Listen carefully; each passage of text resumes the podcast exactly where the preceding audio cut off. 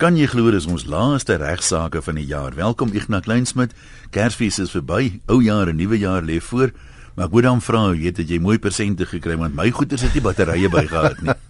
Ian, uh, gelukkig het die tyd nou in my lewe aangebreek dat ek nie meer self my eie geskenk moet betaal nie. My kinders is dan nou verdien nou al darm salaris, so hulle kan ietsie koop, nee, wat ons uh, probeer Kersfees maar uh, by ooreenkom met ons vir mekaar uh, nie te te mooi goed gee nie, maar goed wat vir ons waardevol is vir die siel. So dit was lekker geweest, ja, nee, baie. Ek hoop dit was 'n vreedsame geseënde tyd saam met die mense. Ja, nee, was wonderlik en baie dankie ook aan almal wat die hele jaar Ian vir ons sulke mooi briefies geskryf het en ons gereelde in uh, luisteraars en uh, baie dankie vir die dinge wat u gesê het wat dit vir ons lekker gemaak het om ook 'n uh, eh, deel van hierdie program te wees. Nee, as mens nou so terugkyk oor die jaar, ek meen baie opspraakwekkende dinge, interessante regsverwikkelinge, goed waaroor ons gepraat het. Dit is amper moeilik om hoogtepunte uit te sonder. Nou ons gaan nou nie so 'n program noodwendig doen nie. Waaroor gaan ons praat vandag? Eena was die afgelope jaar geweldig gedruk, soos jy weet, op my en op hierdie program om 'n mening uit te spreek oor die verloop van die opsienbare Oscars Pistorius verhoor. Nou uh, talle luisteraars wou weet of ons dink hy skuldig en wou ook weet waaraan hy skuldig bevind sou word. Dis nou voor die skuldigbevinding. Nog erger was die druk na die skuldigbevinding om te probeer vasstel wat ons by hierdie program dink oor wat die vonnis is wat verwag kon word wat nou ook al reeds gegee is en nou gaan dit weer oor die appel. Nou ek het by daarvan weerhou uh nie teenstaan in die feit dat ek uiteraard persoonlike menings het. Uh wou ek dit nie by hierdie program bespreek omdat ek werklik glo dat dit uh, uiters voorvarend en onverantwoordelik sou wees om 'n regsopinie uit te spreek sonder dat ek die voordeel gehad het wat die verhoorregter gehad het mm. oor 'n tydperk van baie maande heen. My opinie sou dus werklik slegs 'n leuke opinie wees uh, want die regter het die voordeel soos alle ander regters uh, om saam met haar assessore, sy is midde in die geveg was sy gewees. Sy het luister aandagtig na al die getuienis soos ons kon sien op die TV. Uh, sy kan die emosies van die getuies ervaar, die argumente van goeie regsgeleerdes het sy in detail aangehoor en om dan dat die beste van haar vermoë so objektief is wat dit menslik moontlik is, kan sy 'n beslissing gee wat in belang is van die gemeenskap en ook natuurlik in belang is van die beskuldigde. Dat daar soveel aspekte luisteraars wat so regter moet opweeg wat uniek is in elke saak. En dan moet die regter al daardie faktore in die getuienis en al daardie emosies ook in argumente in balans bring. Dit is soms baie moeiliker as die moeilikste sirkustoertjie, so so 'n balanstoertjie. Daarom staan ek altyd verstom oor leuke wat hulle die reg aanmatig om 'n regter links en regs te kritiseer en haar te beledig en haar eintlik te verguis sonder dat hulle in die vaagste benul het van die regsargumente en die meer ingewikkelde aspekte en die regsoorwegings wat ter sprake was. In die geval van regter Masipa luisteraars het sy selfs dood doodstrygemente ontvang. Afgesien van die vel kritiek op haar uitspraak. Eerstens oor die vraag wat goed was dat die verhoor toeganklik was vir alle burgers, dis 'n vraag wat nogal belangrik was. Het ek en baie ander regsgeleerdes dink ek gemengde gevoelens. Persoonlik is ek oortuig daarvan dat die hele wêreld kon sien dat Suid-Afrika 'n gesofistikeerde regstelsel het. Uh dit's nou so of jy saamgestem met die uitspraak al dan nie. Die rule of law is deurentyd met pynlike presisie uitgevoer. Die reg om verhoor te word en die reg om behoorlik te kruis ondervra en om alle moontlike aspekte te argumenteer het mynsinsies baie duidelik na vore gekom. Uh so in die algemeen glo ek dat regsleerders oor die res van die wêreld gerus is dat die regspreking in Suid-Afrika goed funksioneer vir ons wat vandag almal luister, hoop ek het hierdie saak ook aangedui dat ons vertroue kan hê in die regstelsel vir al dan die feit en dis my baie belangrik dat in ons reg die beskuldigde slegs skuldig bevind kan word indien hy sy skuld bo redelike twyfel bewys is. Die voordeel van die twyfel is 'n baie baie belangrike aspek in 'n gesofistikeerde regstelsel in 'n westerse stelsel soos ons in. Behoorlike ontleding van die getuienis is 'n belangrike waarborg ook vir my en vir jou wanneer ons of een van ons kinders eendag of een van ons geliefdes dalk valslik beskuldig word, dan dink jy mens bietjie anders daaroor. Dan besef jy die waarde van 'n stelsel waar daar behoorlik getoets word voor daar skuldig bevind word. Wat die uitspraak self betref, is daar sekerlik heelwat regsargumente wat vir ons baie dae lank kan besig hou oor die vraag of die regter se interpretasie van dolus eventuale suiwer was of appelhof dalk anders daaroor sou beslis. Maar belangrik in 'n 1982 saak in die appelhof na 'n bietjie saak van minister van Justisie versus Isak Hofmeyer Sekoe is daar bevind dat die staat kan net aansoek om verlof om te appeleer as die regsvraag waaroor die appel gaan tot voordeel van die beskuldigde gaan wees. In Sekoe se geval het die beskuldigde 'n vrou aangeval daar in Bultfontein se wêreld en nadat die vrou vasgebind was in 'n paal het hy haar winkel besteel. Oud hoofregter Rabie, P Rabie, bevind in hierdie saak dat so appel in gevolg artikel 333 van die strafproseswet net moontlik is as daar moontlike voordeel vir die beskuldigde sou wees. Is dit nie raar dat die staat sal appeleer terwyl daar voordeel vir die beskuldigde moet wees nie. Ek meen die sy die verdediging dan nie ja, eerder dis, appeleer. Dis wat die Sekoe saak so moeilik maak en as jy na daardie saak kyk, dan het die appelregters bevind dat die staat kan alleen appeleer as die beskuldigde geheel en al op 'n aanklag vrygespreek is. Nou onthou in hierdie geval kan die staat kan dus nie appeleer teen 'n uitspraak as daar 'n bevoegde bevinding was nie. Met ander woorde soos in hierdie geval in 'n minder ernstige aanklag, strafbare manslag in plaas van moord of wat ook nog al dit sou wees. Dit skep 'n dubbele standaard en ek dink as ons kyk dat die na die uh appel wat nou wel gelewer is wat uh aangegaan is, dan moet ons ook vir mekaar sê dat uh op die op die stadium wat ons hierdie program opgeneem het, het ons nog nie geweet verlof tot appel toegestaan geword nie, maar daar's baie interessante regsargumente wat nuwe reg gaan skep op die gevaar af dat uh, dat dit arrogant mag wees en natuurlik met 'n agneming van die risiko dat ek verkeerd kan wees, glo ek dat regter Masipa wel verlof tot appel sou toestaan. Nou ja, uh, dan word die saak na die appelhof in Bloemfontein daarna verwys en let wel, appel is nie herverhoor nie. Daar gaan nie weer 'n groot uh, storie op die TV wees en so. Dis net argumente, regsargumente deur die twee advokate. Hulle lewer betoë op 'n sekere dag voor die appelregters. So ons maar u sal nou wanneer u hierna luister nou al weet of of ek myself te slim gehou het en of ek verkeerd is dalk, maar dit is nogal interessant dat hierdie appel ook nuwe reg gaan skep as gevolg van die Sekoe saak. Ek wil nie spekuleer oor die kanse nie, maar daar bestaan wel 'n wesenlike moontlikheid dat die uitspraak gewysig kan word na moord toe. Dit gaan tog die beskuldigde benadeel, gaan hy dan weer gefonnis word, uh, swaarder vonnis kry? Sou dit gebeur nou? Ek verstaan nie lekker hoe dit ry met die Sekoe saak nie. sien die Sekoe saak het net gegaan oor die vraag of mens kan appeleer. Sodra die uh, verlof tot appel toegestaan is, dan is daar twee gronde waar voor die verlof gevra is. Die een is die meriete self, met ander woorde wat sê die uitspraak was verkeerd. Moes eintlik 'n moordskuldig bevind gewees het en die tweede een natuurlik dat die vonnis te lig was. So is twee aparte aspekte wat dan mm, mm. oorweeg sou word. Wat die vonnis self betref, is dit sodat 'n vonnis moet verskeie aspekte met groot omsigtigheid beheen. Dit sluit in luisteraars se persoonlike omstandighede van die misdadiger, in hierdie geval Oscar, die erns van die misdaad en natuurlik baie belangrik, die belange van die gemeenskap en dat geregtigheid teenoor die gemeenskap moet geskied. Hierdie vonnis moet dan met regterlike diskresie uitgeoefen word. En of enige dinge dis reg of verkeerd, nie daarvan hou of nie, uh, is ek van mening dat regter Masipa in hierdie geval met groot waardigheid opgetree het. En nie tenstaande al die regimente wat wat ek nou nou van gepraat het, selfs die doodstrafregimente baie getrou gebly het aan haar eed as regter en het sy haar vonnis vreesloos gegee. Natuurlik was hy bewus van die skree buite op straat. Ek sou verbaas wees as hy nie daarvan bewus was nie. Maar regters is dan mense soos ons. Hulle kyk ook maar TV en hulle lees ook koerant. En hulle hoor maar wat die wat die wat die publiek daar buite sê. Maar talle regsgeleerdes het hulle ook die leksheid veroorloof om hierdie regters se vonnis te kritiseer as te lig terwyl hulle maar aangewese was met wat hulle in die media moes lees en hoor. Soos dis aangetoon glo ek dat dit ongevraagd is en iets wat voorbarig is in baie omstandighede afhangende natuurlik ook van hoe dit verwoord word of mense daarin versigtig Ja, mense kan respekvol verskil van iemand ook. Korrek. Ek het in 'n vorige program daarop gewys dat daar met betrekking tot die wyse waarop kruisverondervraging plaasvind, baie uitdruklike reëls in ons regstelsel bestaan wat basies daarop neerkom dat ek nie onbillig mag wees by die getuie en ook nie getuie mag beledig en intimideer nie. In hierdie verband is daar heelwat redes vir kritiek en was regter Masipa geweldig toegeeflik mynsinsiens en volgens almal wat daarna gekyk het, sal dit weet. En was dit miskien ook onder andere omdat daar bewustheid was dat die Here wêreld se oë op hierdie verhoor gerig was. Nou natuurlik is dit sodat ons in Suid-Afrika verwag dat misdadigers behoorlik gestraf moet word. Moet ons glo dat dit afskrikwaarde sal hê om ons hoë misdaadsyfer te probeer tem en natuurlik kan daar gevra word of die geliefdes van die oorledene nie kon verwag dat daar 'n baie swaarder vonnis opgelê moes word nie. By vonnisoplegging het die regter vir die van u wat daarna geluister het, 'n behoorlike redenering gegee van die redes vir spesifieke vonnis en sy ook klem gelê op die feit dat die vonnis soms ook getemper word met genade. En dis belangrik. Vonnis word ook getemper met genade en veral ook rehabilitasie of mens kan dit noem herstellende geregtigheid. 'n Kort opsomming van hoe sy by die vonnis uitgekom het, dink ek sal vir ek vir ons bietjie help. Indien jy 'n vonnis ontleed, wys dit dat sy eerstens gekyk na die balans tussen die erns van die misdaad en dan ook die gemeenskap en die beskuldigdes se belange opgeweeg het.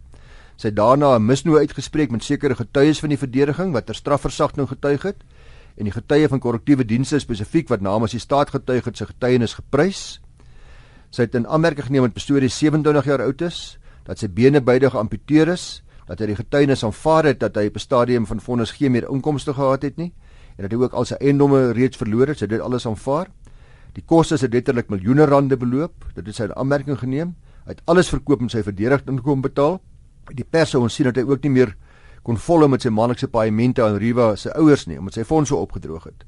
Dan sê die regter met betrekking tot tronkstraf dat sy nie probleem daarmee het om 'n gestremde persoon tronk toe te stuur nie, omdat daar al baie gestremdes is wat tronk toe gegaan het, dat hy nie anders gehanteer moet word betref vonnis as enige ander beskuldigde nie. Nou soos jy weet luisteraars, is daar wel sekere verskille wat deur korrektiewe dienste toegepas word vir sulke gevonniste misdadigers. Sy maak dit seker dat daar nie indruk geskep word dat daar een regstelsel is vir arme mense en 'n ander regstelsel is vir beroemdes of rykes nie. Sy sê ook dat bestuurders se verdediging het sy kwesbaarheid as 'n gestremde oorbeklemtoon. Sy was nie daarmee baie beïndruk nie. Sy sê dit het haar ongemaklik laat voel. Verstaan dit? Met betrekking tot Pastorius se persoonlike omstandighede gee sy erkenning aan die groot bydrae wat hy gemaak het tot die samelewing, wat ook belangrik is. En uh om sy hy sê hy het gehelp om die siening van mense oor gestremdheid te verander. Sy beklemtoon daarna die erns van die aanklagte teen hom. Sy sê ook dis 'n verswaarende faktor dat hy goed geweet het hoe wapens werk en nie net een skoot afgevuur het nie, maar vier. Hy het geweet die toilethokkie is klein, hy het geweet dat daar 'n mens daarin nie kon beweeg of ontsnap nie. Uh dis dan ook hier waar die kritisie haar kwaliek geneem het oor haar uitspraak, maar sy het dit nie beskou het as opset by moontlikheidsbewussyn, die sogenaamde dolus eventualis nie. By vonnis gee sy dan eintlik toe dat hy moes geweet het dat hy die persoon daar binne daai klein hokkie waarskynlik gaan raak skiet, omdat daar nie beweegruimte is nie. Dan wys hy op 'n klompie versagtende faktore, soos dat hy eerste oortreder is. Belangrike versagtende faktore dat mense nie voor jy met die reg gebots het nie. Dis duidelik uit die beeldsending daar geweldige berou was. Sy onmiddellike reaksie dieselfde dag was een van groot trauma en berou. Hy het haar probeer lewend hou vir Riva. Sy gee erkenning aan Riva familie se pyn en hartseer. Sy hanteer ook ander sake van strafbare manslag met uitlopende vonnisse om 'n balans te vind vir haar uiteindelike vonnis. Sy sê dan uiteindelik het sy graad van nalatigheid 'n baie erge graad van nalatigheid was dat dit 'n vonnis buite die tronk onvanpas sal maak en die verkeerde boodskap aan ons almal sal stuur. Sy doen laastens moeite om te bewys dat daar uh, dat die vonnis ook getemper moet word met genade en daarom besluit sy dat 'n gevolge artikel van die strafproseswet hy gefonnis word tot 5 jaar gevangenisstraf. Hierdie artikel terloops maak dit moontlik dat hy na 'n sesde van die gevangenisstraf, dit wil sê 10 maande, dalk onder huisarrest geplaas kan word, vrygelaat kan word onder sekere omstandighede. So in die geheel gesien hoop ek dat ons luisteraars onder indruk daarvan is dat uh, dat die regter se taak werklik nie maklik was nie dat kritiek soms bitter onregverdig en ongemotiveerd is. In hierdie spesifieke geval kan mense net hoop dat Riva se ouers en geliefdes daar 'n mate van troos gevind het in die feit dat daar werklike tronkstraf is en hoop ek ook dat daar by die meerderheid Suid-Afrikaners 'n nuwe respek is vir die wyse waarop ons reg funksioneer. Ek wil net vinnig twee opmerkings maak. Die een ding, ons het 'n loslop program gewy tydens die verhoor. Ek het oorweldigend dit mense gesê nadat hulle nou die robuuste kruisverhoor waargeneem het op televisie het 'n klomp mense gesê as hulle moet 'n innocent bystander wees, hulle is ooggetuie ja, van iets, ja. sal hulle liewer maak of hulle niks gesien het nie want hulle sien nie kans om so onder kruis verhoor geneem te word nie. Dit pla my bietjie in die sin van die regstelsel maak staat op getuies om reg te laat geskied. Mense wat met die polisie saamwerk, wat verklaringe aflê en op die ou einde getuig en dit is nou 'n emosionele stadium toe mense dit goed gesê het. Mense het dit baie gehoor en ek ek seker daar gaan mense wees wat gaan twee keer dink voor hulle getuieverklaring maak. Ek dink jy's reg en is baie jammer dat dit so moet wees. Dis waarom ek destyds 'n uh, paar maande terug of 'n maand of twee gelede reële krities was oor die wyse waarop die kruisondervraging plaasgevind het ja. en ook gesê dat die howe dit normaalweg glad nie toelaat dat dit so robuust kan wees soos wat dit in hierdie geval was nie dat intimidasie net nie aanvaarbaar is nie belediging die soort van situasie waar mens later voel uh, terwyl jy kyk dat jy eintlik bitter jammer voel vir die persoon omdat hy later nie meer weet watter kant toe nie die die die, die getuie. Aan die ander kant moet die waarheid seëvier en myns insiens en dis miskien nou 'n te algemene stelling hoef mense wat werklik eerbaar gaan getuig wat net die waarheid gaan vertel het niks te vrees nie. Uh, so 'n persoon kan bitter selde onder kruis hoor ontbloot word as 'n leenaar daar's baie keer klein klein verskilletjies maar die regter daarbo sien dit. Sy weet sy of hy weet uh, wanneer dit waarheid is en wanneer dis waarom ek sê dis soveel beter om die persoon self te ervaar daar tydens plaas. Ja, ek dink 'n mens moet ook 'n onderskeid tref tussen eh, 'n uh, beskuldigde wat 'n weergawe vir die hof voorhou en 'n onafhanklike getuie wat net kan sê wat hy gesien het. Hy kan soms wel oor die daad, uh, weet 'n mes steek of wat ook al getuig, Maar um, daar behoort nie 'n motief by 'n getuie te wees om toe te smeer soos wat daar by 'n beskuldigde kan wees. Correct. Ek wil myself nou so goed as moontlik laat lyk nie. Ja, baie waar. Dis waarom jy sal dikwels sien in elke landros, junior landros, senior landros, streeks landros regter, appelregter, konstitusionele hofregter weet, en elke prokureur weet ook dat die waarnemingsvermoë van mense verskil dramaties op mekaar. Ek en jy kan op twee straat op 'n straat op dieselfde straathoek staan en dieselfde botsing sien. En jy sal nie glo ons weergawe gaan verskil oor of wat het presies gebeur nie. Uh, terwyl ons albei absoluut bona fide en eerlikwaar probeer getuienis gee. En die howe neem dit in aanmerking. Dan was daar ook 'n ander aspek een wat ek net 'n opmerking dalk oor wil maak. Dit is die wyse waarop mens se familie jou bystaan as jy in 'n in die nood is, as jy in 'n situasie beland soos Oscar Pistorius beland het dit was my besonder indrukwekkend. Ek moet sê dit ek dit ek het respek gehad vir die kalm en die beredeneerde wyse waarop uh, die oom Arnold Pastorius die woord van tyd tot tyd gevoer het om ook balans te bring met al die emosie wat daar was. Na die vonnisoplegging het meneer Arnold Pastorius en ook volgens die media gesê dat hy hoop Oscar sal sy eie genesingsproses begin na mate hy die herstelpad stap dat hulle sal voorgaan om hom te ondersteun terwyl hy sy vonnis uitdien. Die Pastorius familie het by talle geleenthede gesimpatiseer met die steenkamps wat ook vir my mooi was wat wys hoe mense almal dit verskillend hanteer hmm. so so trauma. En albei hierdie gesinne het tydens die verhoor van 7 maande ongelooflike foltering deurgegaan. Dis die 7 maande wat die verhoor geduur het, maar vanaf die voorval plaasgevind het en die borgtoek aansoek aangehoor was, was dit bykans 20 maande. Terwyl hulle aanvanklik gedink het dit gaan binne 'n maand of 3 verby wees. Uh, meneer Pastooretjie dan ook en ek stem met hom hier hartig saam 'n beroep gedoen op almal van ons en uh, en op die media veral om dan uh, om in hulle familie 'n mate van waardigheid en privaatheid te gun. Uh, ek is seker dat dit net soveel geld of nog meer geld vir Riva se familie dat hulle toegelaat moet word om in privaatheid en met waardigheid te rou oor 'n dogter wat duidelik 'n besondere mens was en wat 'n groot leemte in haar geliefde se lewe gaan laat.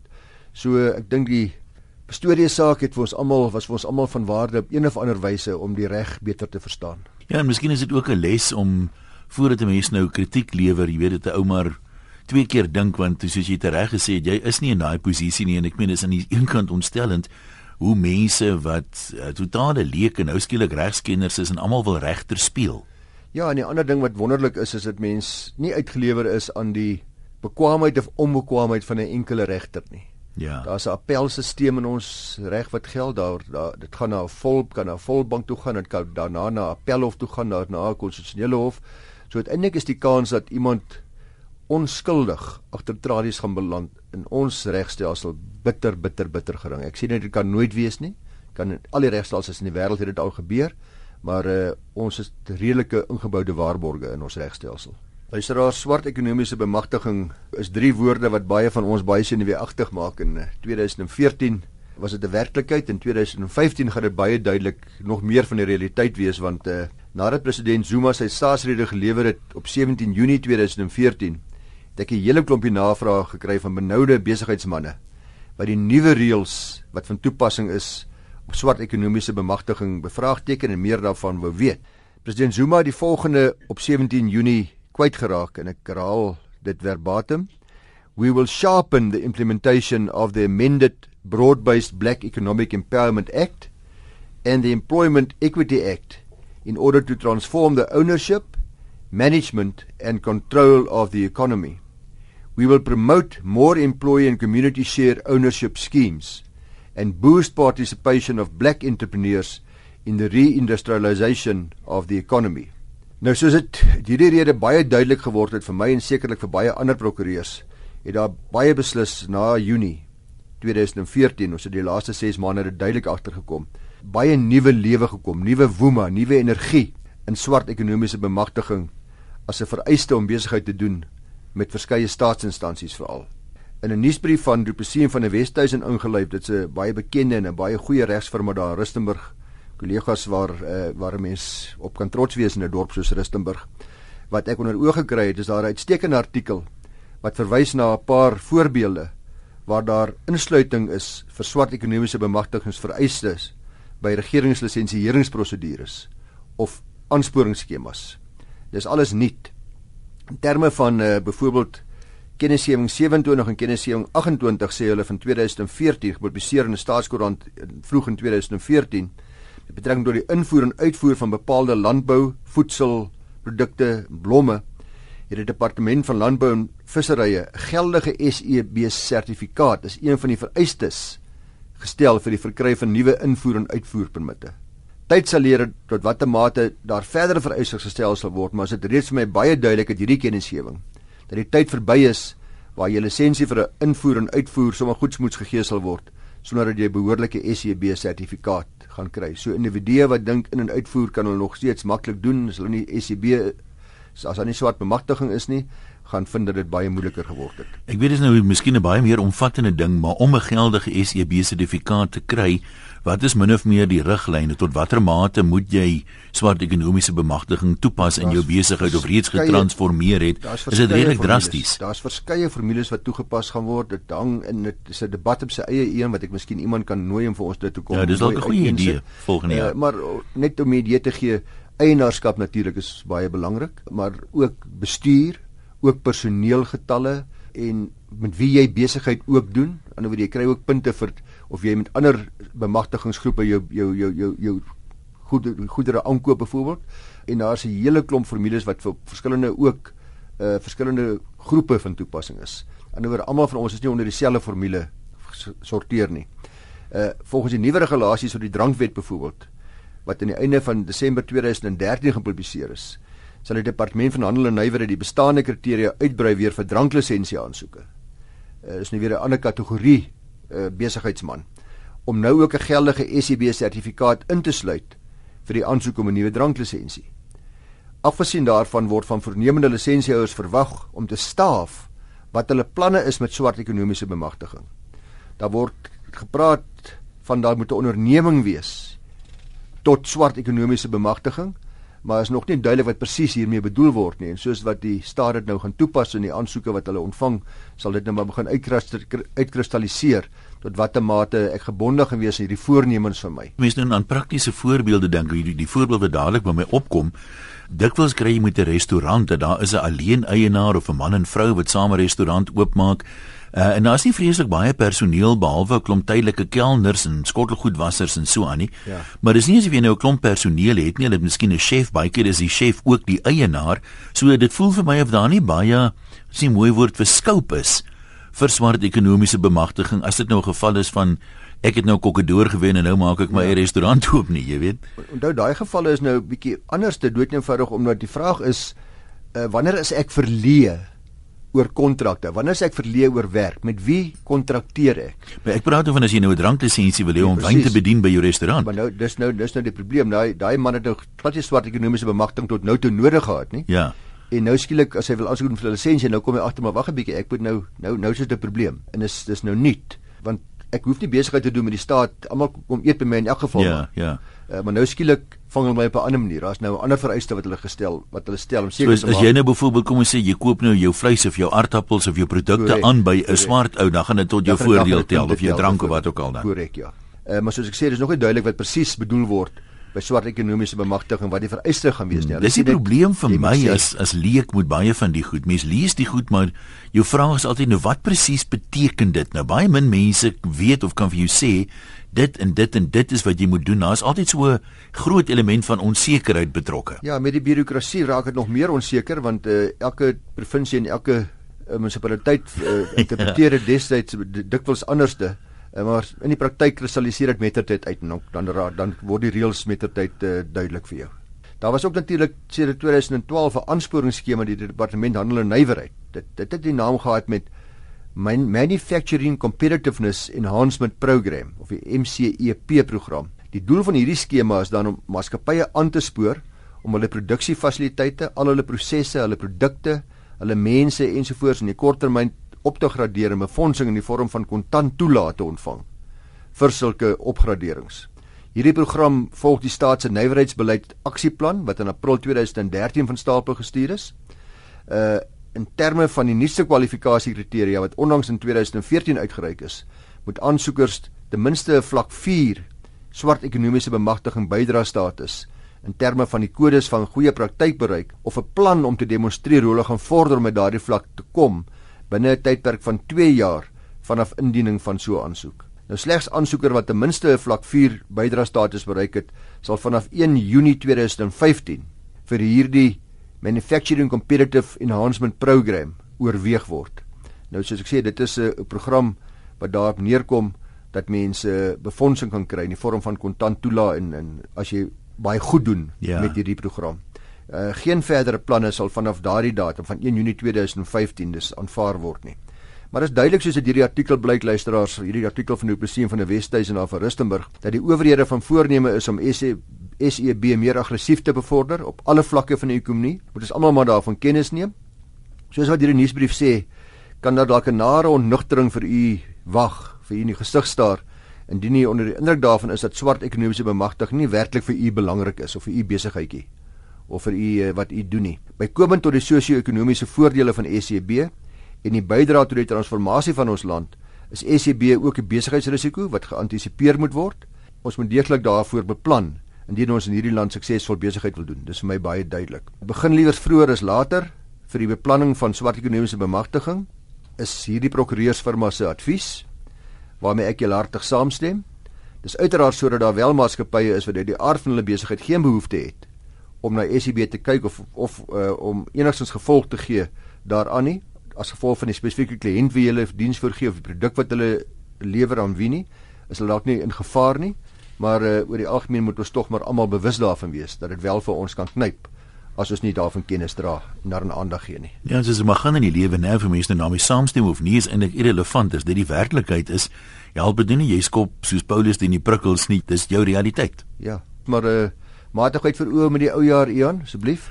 My middelnaam is mos maar matigheid. Nou, ek sê altyd vir mense onthou, u prokureur is waarskynlik ook nie beskikbaar daai tyd van die nag nie. Ek nou baie dankie en uh, lekker uh ou jaar hou. Ons gesels vroeg in die nuwe jaar weer in regsaake hier op RSG.